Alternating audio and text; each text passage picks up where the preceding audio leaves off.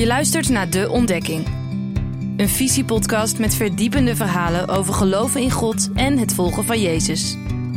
Met in deze aflevering... Reinier Sonneveld. Is God wraakzuchtig? vroeg de visie-redactie aan me.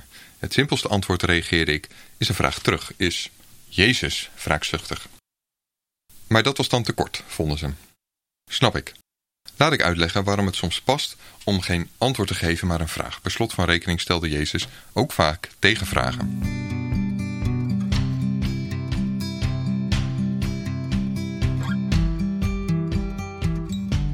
Als theoloog probeer je woorden te vinden voor God, dat is mijn vak. En dat is een verbijsterend vak. Woorden zijn zulke armzalige gereedschappen. Probeer eens woorden te vinden voor een mens. Als je iemand niet kent, dan lukt dat nog wel, paradoxaal genoeg. Obama kan ik best aardig typeren en laat me niet beginnen over Trump. Maar een goede vriend? Mijn eigen vrouw? Is zij bijvoorbeeld introvert? Ja, soms, maar soms ook niet. Is zij eigenwijs? Soms. En soms niet. En is ze eigenwijs of is dat maar een houding die ze in bepaalde situaties aanneemt? Wat is haar wezen eigenlijk? Hoe beter je iemand kent, hoe minder je woorden echt lijken te kloppen. Dat maakt theologie zo ingewikkeld. Hoe dichter je God lijkt te naderen, hoe meer de woorden je lijken te ontglippen. Misschien is het wel zo dat hoe beter ik, mijn vak, hoe beter ik in mijn vak word, hoe minder ik te zeggen heb en hoe minder ik schrijf. Dat is in elk geval wat mystieke gelovigen ervaren. Alleen als ze zich ver van God verwijderd voelen, hebben ze nog woorden voor hem. Het is alsof je ver van een storm verwijderd bent en je blaast wat en je denkt dat dit de storm tegenhoudt, tot de storm dichtbij gekomen is. God is het begin van alles. Hij heeft ons gesproken en wij waren er. Als wij dan woorden voor hem maken, is dat zo uit verhouding. Spreken over God is met een zaklamp de zon proberen te verlichten.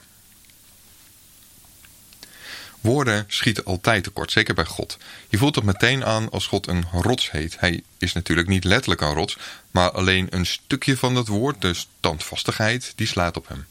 Als het gaat over Gods armen of ogen, snapt een kind al dat hij geen letterlijke armen of ogen heeft. Maar als er staat dat God rustte op de zevende dag van de schepping, of dat hij spijt heeft van zijn plannen met Nineveh, wordt het al lastiger. Toch nemen de meeste christenen ook dat soort woorden niet helemaal letterlijk. Een echte God kan niet vermoeid zijn en verandert niet in een windvaan zijn plannen. Een woord kan bij God passen, maar er is altijd een bepaalde mate waarin het niet past. God is in de hemel en wij gebruiken aardse woorden. Hij is eeuwig en wij kennen tijdelijke taal. Hij is bovennatuurlijk en wij ervaren deze natuurlijke wereld. Zelfs een woord als liefde schiet voor hem tekort. Zeker, hij is liefde, maar toch weer anders dan onze liefde, op zijn minst veel groter dan onze liefde. Dat stellen de meeste christelijke denkers dan ook over andere woorden uit de Bijbel die misschien wat lastiger zijn, zoals jaloers, vertoornd en wraakzuchtig. Deze passen bij God en tegelijk weer niet. Veel christelijke denkers geloven zelfs dat alle woorden bij God passen, alleen natuurlijk in bepaald wisselende mate.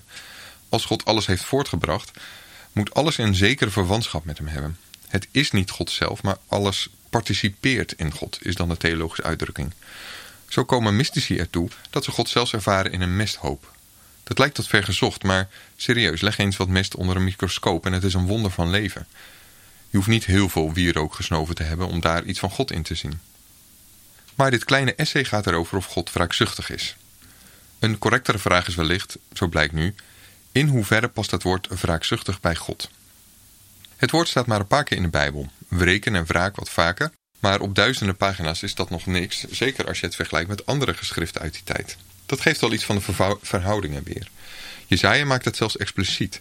In een beroemde passage schrijft hij over Gods jaar van genade en zijn dag van wraak een jaar versus een dag. Zijn liefde staat tot zijn wraak als 365 tot 1. En die wraak is bovendien om allen die treuren te troosten. God maait niet blind van woede iedereen neer als een soort primitieve eerwraak, maar hij straft de daders om recht te doen aan de slachtoffers. Zoals in onze huidige rechtspraak vergelding nog steeds een van de motieven is. Dit gedeelte van de Bijbel staat bovendien in wat we traditioneel het Oude Testament noemen.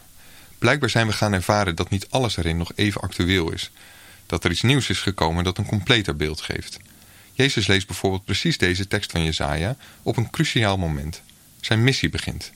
Hij is in zijn geboortedorp in de synagoge, staat op het spreekgedeelte en leest voor dat hij het goede nieuws komt brengen, troosten en bevrijden en hoop bieden. Kortom, Gods jaar van genade uitroepen. En dan stopt hij midden in de zin. Hij leest niet verder met dat stukje over die wraak. Alsof dat er voortaan niet meer bij hoort. Alsof Gods liefde en zijn wraak zich niet meer verhouden als 365 tot 1, maar als 365 tot 0. Alles lijkt erop dat wat God doet soms lijkt op wraak. Daarom kunnen we die woorden wel eens gebruiken. Maar andere woorden die we later hebben ontdekt blijken toepasselijker en gebruiken we liever. Je kunt het vergelijken met een ouder die een kind op de stoutstoel zet. Dat kind vindt dat natuurlijk reuze gemeen en interpreteert het misschien wel als terugpakken, als een soort wraak. Later wordt dat kind wat ouder, het leert zijn ouders beter kennen en beseft dat andere woorden beter geschikt zijn. Die stoutstoel is bedoeld om iets te leren.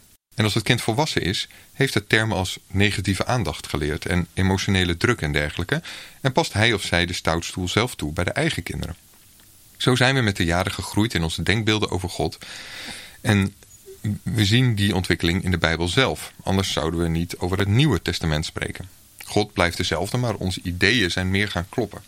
Als christenen hebben we namelijk ervaren dat God zo close is gekomen als bij Jezus. Nergens is hij zo close gekomen als bij Jezus. Jezus is het beeld van God, het woord van God, zijn ultieme uitspraak. Wat er ook over God te zeggen valt, het klopt altijd minder dan bij Jezus zelf. Al onze woorden voor God schieten tekort, maar wat we bij Jezus ervaren valt niet te overtreffen. Daarom gaf ik dus die vraag terug aan de visieredactie toen ze me vroegen of God wraakzuchtig is. Herinner je de verhalen over Jezus? Wat zie je daar? Wel nu, in hoe je Jezus hebt leren kennen. Is hij wraakzuchtig?